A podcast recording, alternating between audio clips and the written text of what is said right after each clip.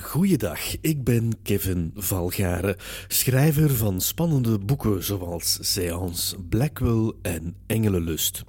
Ook ik wil graag mijn steentje bijdragen in deze moeilijke tijden, waarin mensen zich noodgedwongen van elkaar moeten distancieren en de verveling soms genadeloos toeslaat. Daarom heb ik samen met uitgeverij Lano besloten om dagelijks een hoofdstuk voor te lezen uit Seance, een bovennatuurlijke thriller die in 2016 verscheen. Vandaag lees ik hoofdstuk 20 voor van Seance.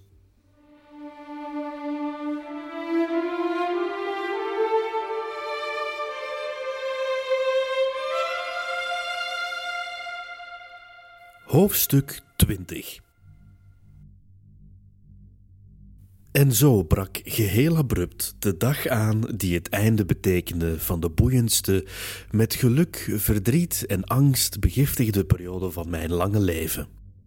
Tijdens de vroege ochtend van vrijdag 17 april maakte ik een lange wandeling door de stad. Het was kil en grijs en in de smalle straten hing een stinkende mist. De ochtend voelde daadwerkelijk aan als de laatste van een belangrijke tijd, omdat ik ervan doordrongen was dat ik die avond definitief afscheid moest nemen van een hoogtepunt dat ik nooit meer zou evenaren, van een unieke persoon die ik niet wenste los te laten. Toen ik weer thuis kwam, vroeg de gouvernante of ik, zoals zij dat de laatste weken gewend was, een uurtje met de kinderen wilde doorbrengen.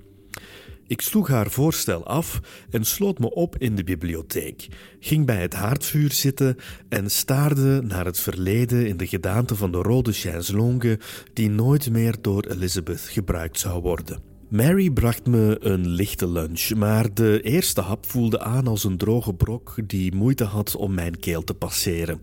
Het enige wat ik kon verdragen was een kopje thee, en zelfs dat bleek na enkele slokken te veel van het goede te zijn. Ik verontschuldigde me voor het diner en verkoos om me in plaats daarvan te verdoven met een tiental druppels laudanum en een glas brandewijn. Toen de koets arriveerde, begaf ik mij met lode benen naar de vestibule, alsof ik onderweg was naar mijn eigen begrafenis. En het was enerzijds met een vurig verlangen, anderzijds met het bewustzijn van het feit dat het einde nakend was, dat ik in het voertuig plaatsnam en me naar Hackney liet brengen. De zonsondergang vond plaats achter een gordijn van regen en ik weet nog dat ik dat toen niet meer dan toepasselijk vond. The Lord gave and the Lord hath taken away. Blessed be the name of the Lord. Ik weet niet waarom ik toen precies aan die frase dacht, maar ik weet nog wel dat ik niet het gevoel had dat de Heer er ook maar iets mee te maken had. Het voelde eerder alsof het de medemens was die Katie aan mij gegeven had en haar kort daarna zonder medeleven uit mijn omhelzing had gerukt. Nee, uiteindelijk had mijn wedervaren weinig weg van een goddelijke interventie, ofschoon het bewijs van zijn bestaan duidelijk af te leiden viel uit het artikel van mijn hand dat de volgende dag in de Spiritualist verschijnen zou. In Bruce Villas werd ik binnengelaten door de knul die me de vorige keer zo goed had geholpen. Ik woelde door zijn vettige donkere lokken, maar de jongen trok een vies gezicht, een teken dat hij mijn gebaar niet wist te appreciëren. Mijn benen droegen mij naar de eerste verdieping. De deur werd voor me geopend en een uiterst opgetogen Mr. Archer schudde me de hand en liet me binnen. Ik was op tijd gekomen, nog voor de intrede van de gasten, met uitzondering van William Harrison, die maar liefst drie cameratoestellen had opgesteld in de kamer waar de laatste séance zou plaatsvinden. Op die manier hoef ik mij niet te veel bezig te houden met het afstellen van de lenzen en het verwisselen van de gevoelige platen. Drie fotografische afbeeldingen zullen, naar ik mag aannemen, wel volstaan. Ik hoop alleen dat het gebrek aan behoorlijk licht niet voor te veel problemen zorgt. Ik zal op uw commando en indien mogelijk de olielamp hoger draaien, zodat u meer licht heeft wanneer u dat nodig acht. Ofschoon Mr. Harrison, vader en moeder Archer, Elizabeth, die me met een warme omhelzing begroette, en ik ons alle realiseerden dat onze samenwerking over enkele uren afgelopen was, gedroeg iedereen zich uiterst vrolijk. En ik vroeg me af of dit kwam door onze Britse neiging om anderen niet te vermoeien met onze sombere gevoelens, of omdat de anderen werkelijk gelukkig waren dat ze over enkele dagen het succes konden gaan opzoeken in dat verre wilde land. Ik haatte de manier waarop ze zich gedroegen, alsof er helemaal niets aan de hand was en alsof ik de enige was die leed onder een intens verdriet. En misschien was dat ook wel zo, want voor mij was dit het einde, het einde van de liefde en van het succes. Maar voor hen was dit het begin. Het begin van een avontuur dat bijna wel moest uitmonden in erkenning en veel geld en misschien zelfs een voetnoot in de geschiedenisboeken. Het enige wat mij daarentegen te wachten stond, was een gebroken hart en een bodemloos zwart gat.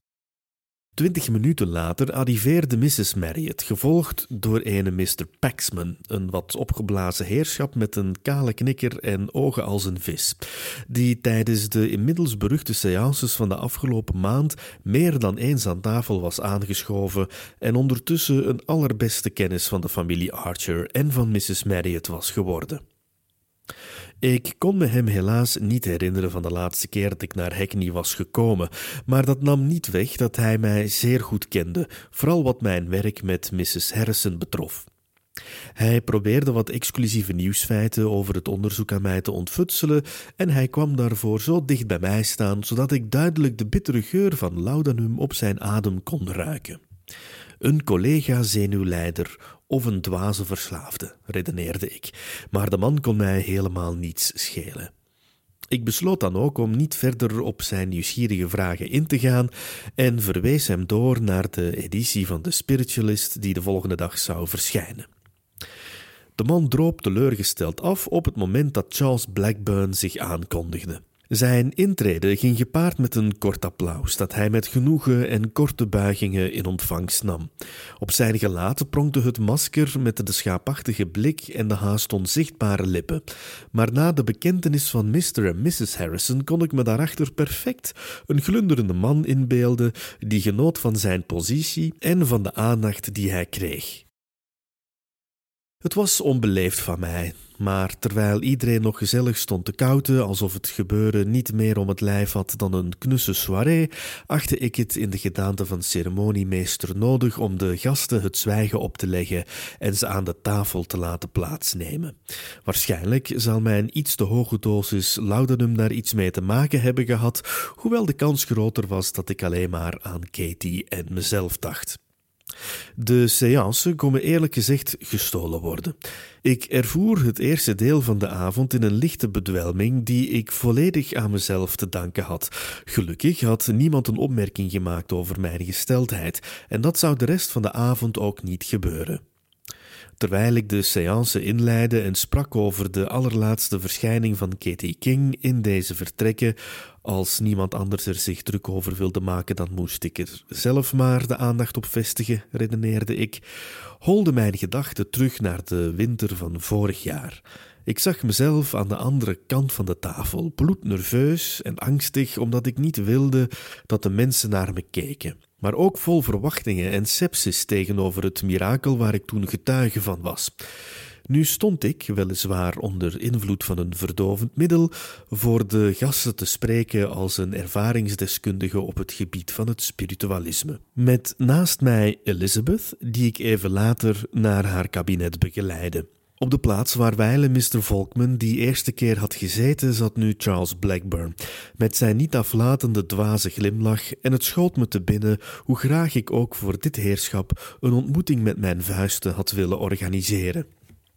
Ik was me ervan bewust dat het decorum mij voorschreef dat ik Mr. Blackburn moest uitnodigen om het medium aan haar stoel vast te binden, maar in mijn koppigheid weigerde ik hem die eer en ik nodigde in de plaats daarvan Mr. Paxman uit om de honneurs waar te nemen. Mr. Paxman straalde toen hij opstond en mij naar het binnenste van de nis volgde, waar Elizabeth al klaar zat op haar stoel. Ik wierp een vlugge blik op het glimlachende masker van Mr. Blackburn en zag dat de man geen krimp had gegeven. Nadat ik de liedboeken had uitgedeeld en de gasten lukraak wees op psalm zoveel en psalm zoveel, en nadat we een viertal liederen hadden afgewerkt, was ik voor de allerlaatste maal getuige van de materialisatie. Ik dacht aan Katie, maar herinnerde me in een flits ook het artikel over de illusie van ectoplasma. Een artikel dat ik initieel had weggelachen vanwege de stelling dat gesublimeerd droogijs in combinatie met kleurstof een groene mist produceerde, wat totaal onmogelijk was. Toen ik daar voor ceremoniemeester stond te spelen, realiseerde ik me niet alleen dat ik nog steeds geen monster van het bewuste ectoplasma had mogen nemen, maar ook dat ik nog nooit zo dicht bij het gordijn van het kabinet had gestaan op het moment dat de materialisatie van mijn Katie aanving. Natuurlijk wist ik wat er ging komen, ofschoon ik vanuit mijn bevoorrechte positie met nieuwe ogen naar het proces poogde te kijken. Het begon allemaal met een plukje mist dat op ooghoogte voor het gesloten gordijn verscheen en in de verduisterde kamer nauwelijks waarneembaar was voor het menselijk oog. In een tweede beweging werd de mist dichter en de pluk ectoplasma werd een wolk. Tientallen keren had ik met verwonderde blik dit tafereel aanschouwd dat zich steeds op dezelfde manier herhaalde. Doch toen was het voor de eerste keer dat ik stil bleef staan bij het feit dat de mist in het begin niet groen was, maar wit. Het was pas nadat de wolk groter werd dat ze de kleur kreeg van jade. En ditmaal bedrogen mijn ogen me niet. Ik zag dat de mist in essentie nog steeds wit was, maar dat er door een kier van het gordijn met een flauw groen licht op werd geschenen. Slimme meid, dacht ik, dus zo doe je dat. Met een heimelijke glimlach keek ik met de andere leden van de séance toe hoe de mist neerdaalde tot op de grond en hoe even later de donkergroene contouren van mijn allerliefste in de nevel verschenen. Het is een gewone olielamp, dacht ik. Het is een olielamp met een groene stolp. Dus dat was hetgeen ze zo halstarrig in haar zwarte koffer verborgen hield. Mijn god, wat ben ik een dwaas geweest. Toen ik de illusie ten volle begreep, wist ik ook wat mij te doen stond om mijn gasten te voorzien van een spektakel dat ze nog niet eerder hadden aanschouwd. Dames en heren, zei ik, en ik maakte een ostentatief gebaar met mijn uitgestoken arm, waarna ik mijn hand in de groene massa stak en mijn vingers daarin zag verdwijnen. Mrs. Marriott slaakte een gilletje, alsof ik een blasfemische handeling uitvoerde, en ik hoorde hoe Mr. Archer geschrokken tussen zijn tanden ademde. De mist voelde warm, nog koud aan. Integendeel, de mist was gewoon mist en was met een beetje verbeelding nauwelijks vochtig te noemen. Ik kon mijn hand niet zien, doch voelde plots de vingers van een ander rond de mijne, gevolgd door een korte kneep van een smalle en lichte handpalm die ik maar al te goed kende. Ik trok mijn hand terug uit het zogenaamde ectoplasma, dat reeds ieler aan het worden was, en samen met mijn hand verscheen ook de wonderlijkste vrouw der vrouwen uit de mysterieuze nevel. Dames en heren, Katie King, zei ik.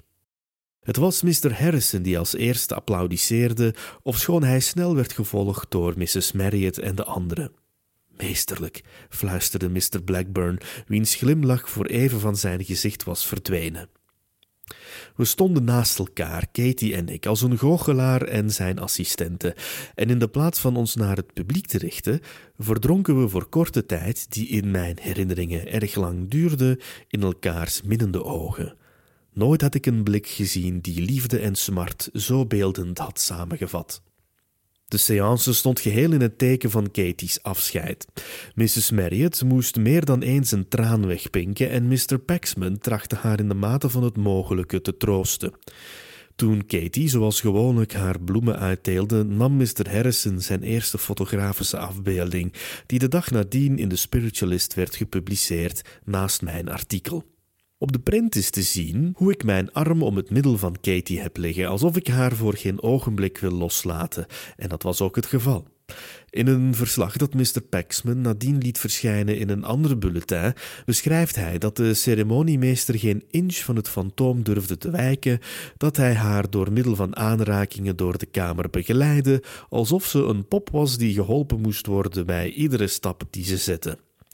Ook vielen hem de blikken op die Katie King en Dr. Whitman met elkaar wisselden, alsof er gedurende de experimenten een hechte vriendschap was ontstaan die hen in staat stelde om met minimale wenken en gebaren met elkaar te communiceren. Hij had gelijk natuurlijk, hoewel hij de ware aard van onze relatie niet had durven neerschrijven. Mijn emoties waren te nadrukkelijk aanwezig om mijn handelingen te beperken tot het louter professionele. De drang om haar nog enkele uren te bezitten was veel te groot, maar het gedrag van Katie was niet anders. Hoewel ze zich vooral bezig hield met de andere aanwezigen, was ze zich constant bewust van mijn nabije aanwezigheid en stelde ze die bovendien op prijs. Toen Mr. Blackburn een witte roos van haar in de schoot geworpen kreeg, stak hij zijn hand uit en kneep Katie in de pols. Weet u wat deze avond perfect zou maken? vroeg hij haar met een speelse glimlach. Een kus van uw zachte lippen, hier. En hij tikte met een vinger op zijn behaarde wang. Katie, die onder andere omstandigheden zonder bezwaar op het voorstel van haar mecenas was ingegaan, deinsde terug. Ik vrees dat Mr. Blackburn haar heeft laten schrikken, zei ik droogjes, vastbesloten om de schurk af te laten zien van zijn wens. Het lijkt mij onfatsoenlijk om aan Katie vanavond zo'n gunst te vragen. Uh, natuurlijk, zei Mr. Blackburn, terwijl iedereen de adem inhield, want het was voor niemand een geheim dat de man alle recht had om waar te krijgen voor zijn geld. Voor een kort ogenblik verdween de onschuldige glimlach van het gezicht van de man en heel even viel zijn masker en zag ik een stel zinderende en gretige ogen die mij vertelden dat Mr. Blackburn mij het liefst wilde verscheuren. Ik lachte naar hem, het was sterker dan mezelf, legde mijn handen op Katie's schouders en dreef haar weg van zijn plaats. Het volgende half uur werd gevuld door een gesprek met de andere gasten, waarin werd verteld hoe erg ze Katie en Elizabeth zouden missen en waarin ze haar vroegen of ze zich wel thuis zou voelen in de Verenigde Staten, of ze hen niet zou missen, etc. Charles Blackburn zei geen woord, maar scheen zich vooral te concentreren op de manier waarop ik met mijn geliefde omging. Ik deed alsof ik er niets van merkte en onderging de routineuze conversaties, terwijl ik voelde hoe de werking van de laudanum gestaag afzwakte. En zo naderde het einde van de laatste séance in Engeland. Maar we zouden, zoals ik met Elizabeth had afgesproken, van het einde iets speciaals maken. Daarom onderbrak ik de gesprekken en zorgde ik ervoor dat Katie naast mij voor het kabinet stond toen ik het woord nam. Waarde dames en heren, Vrienden, begon ik, we zijn bijna aan het einde van deze cirkel gekomen en het weegt ons zwaar om afscheid van u te moeten nemen. Maar Elizabeth, Katie en ik willen u op een speciale manier bedanken voor het vertrouwen dat u al die maanden aan ons hebt gegeven. Mrs. Marriott haalde haar reeds doorweekte zakdoek weer naar boven. Mr. Paxman bood haar de zijne aan, maar die zag er ondertussen al even onfris uit als de hare. Zoals u weet hebben de kranten en diverse tijdschriften zich meer dan eens kritisch getoond ten opzichte van de authenticiteit van Miss King.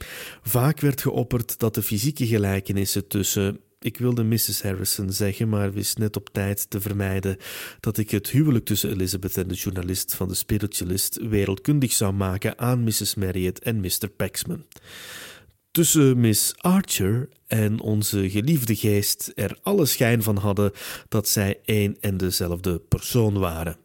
Mijn onderzoek heeft uitgewezen dat dat helemaal niet het geval is. En uw geloof heeft al die tijd halstarrig vastgehouden, waarvoor onze dank. Desalniettemin willen we u vanavond het bewijs tonen dat uw geloof terecht is. Miss Archer en Miss King zijn twee verschillende individuen, als u mij toestaat. Niemand durfde een woord te zeggen en de verbazing voor wat komen ging was groot, ofschoon mijn idee tamelijk voor de hand liggend was. Katie en ik namen plaats naast het kabinet en met een theatrale beweging schoof ik het rode gordijn opzij. Alle gasten, Mr. en Mrs. Archer, die niet op de hoogte waren van ons plan in kluis, slaakten een zucht van verstomming toen ik het kabinet opende. Voor de allereerste keer aanschouwden zij Elizabeth en Katie samen. Katie met de blonde haren stond naast mij met haar hand in de mijne en in het kabinet kon iedereen zich vergapen aan Elizabeth met de zwarte lokken. In het schemerdonker van de nis was duidelijk te zien hoe zij nog steeds in haar stoel was gekneveld, ofschoon ze in een diepe slaap verzonken leek te zijn. Ze had haar ogen gesloten en haar kin rustte op haar borstbeen. Mr. Harrison repte zich naar een van de cameratoestellen om een beeld te maken en liep vervolgens naar het nog overgebleven geladen toestel om een laatste foto te nemen van een glunderende Katie, die definitief afscheid nam van haar Londense publiek. Het was een foto die jaren later iconische proporties zou aannemen. Mijn god, zei Mr. Paxman, dit is uniek. Mrs. Marriott snikte een keer en greep vervolgens naar een flesje reukzout dat ze uit haar boezem toverde, waar ongetwijfeld nog meer accessoires verborgen zaten. Mr. Blackburn hield het bij zijn schaapachtige glimlach, toch applaudisseerde duchtig mee, nadat ik Katie naar het kabinet begeleid had van waaruit ze iedereen nog een laatste welgemeende handkus toewierp. Tegen de tijd dat ik het gordijn had gesloten, was Mrs. Marriott als een klein kind begonnen te snotteren, terwijl de andere leden van de cirkel moeite hadden om hun plaats te verlaten. Dit zal ik nooit meer meemaken, zei Mr. Paxman. Ik ook niet, dacht ik, maar gelukkig had ik die avond nog een afspraak. Na het vallen van het gordijn nam Mrs. Archer haar rol als gastvrouw van mij over en ze nodigde iedereen uit om een glas te drinken op het heugelijke verloop van de avond. Wij volgden haar naar de woonkamer, waar we ons nestelden in de banken en de extra stoelen die er voor de gelegenheid waren bijgehaald. Ik herkende de zomer gedecoreerde ruimte van die keer dat ik per ongeluk was verdwaald. Het was de kamer waar ik het boek had gevonden over de koloniale geschiedenis van Jamaica. Hetzelfde boek dat ik in de National Portrait Gallery had geraadpleegd en waar ik de print in had mogen bewonderen van de nog levende Katie King. Nadat ik was gaan zitten, ging mijn blik automatisch naar de boekenplank, maar tot mijn verbazing was de plank leeg. Waarschijnlijk hadden ze hun bibliotheek reeds ingepakt, klaar om verscheept te worden naar de andere kant van de wereld. Er werden twee karaffen op tafel gezet, één met rode wijn, de andere met droge sherry. Mrs. Marriott en ik waren de enigen die opteerden voor de sherry. Terwijl ik brandde van ongeduld om me terug te trekken in de kamer waar de seances werden georganiseerd, was ik verplicht om deel te nemen aan het gekeuvel van de anderen. Ik nam de complimenten aan mijn adres beleefd in ontvangst en beaamde hoe jammer het wel niet was dat de familie Archer weldra zou vertrekken naar het buitenland. Dr. Whitman, wat zijn uw plannen nu dit verhaal ten einde is gekomen? vroeg Mr. Paxman, zich niet bewust van de beladen aard van zijn vraag. Wel, zei ik, nippend van mijn borrel om wat tijd te winnen.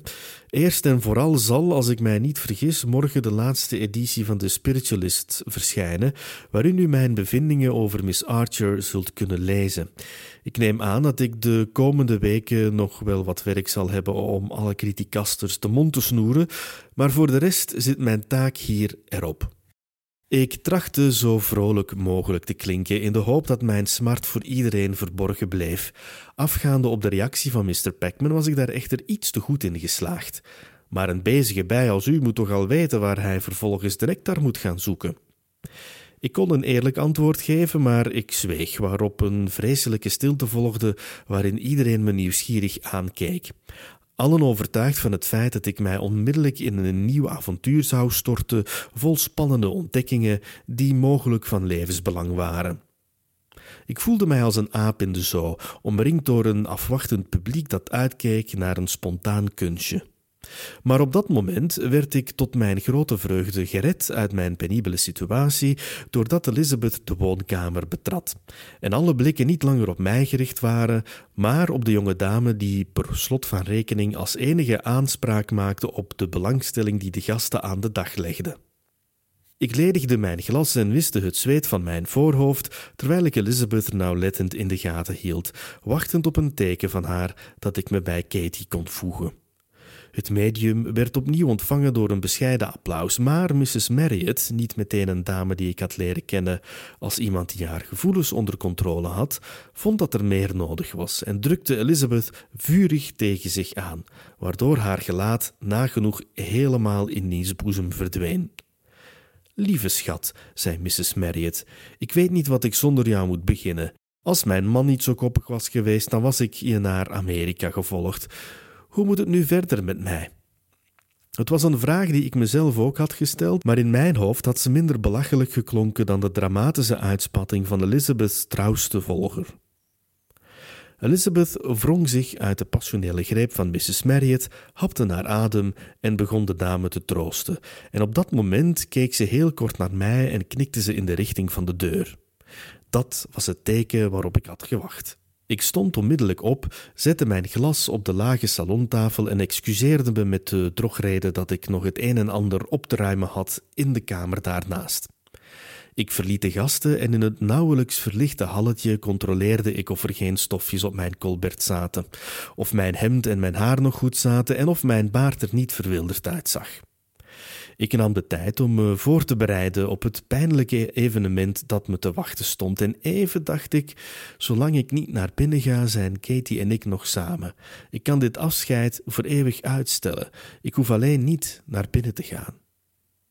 Maar dat was natuurlijk onzin. De boot van de familie Archer lag in Liverpool op hen te wachten en zou drie dagen later uitvaren.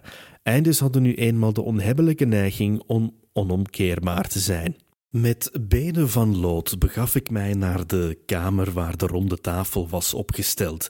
De stoelen stonden min of meer op hun plaats en op het tafelblad lag een stapel liedboeken en stond een olielamp die voor één keer een stevige gloed produceerde in plaats van het gedempte licht dat ik zo gewend was te aanschouwen.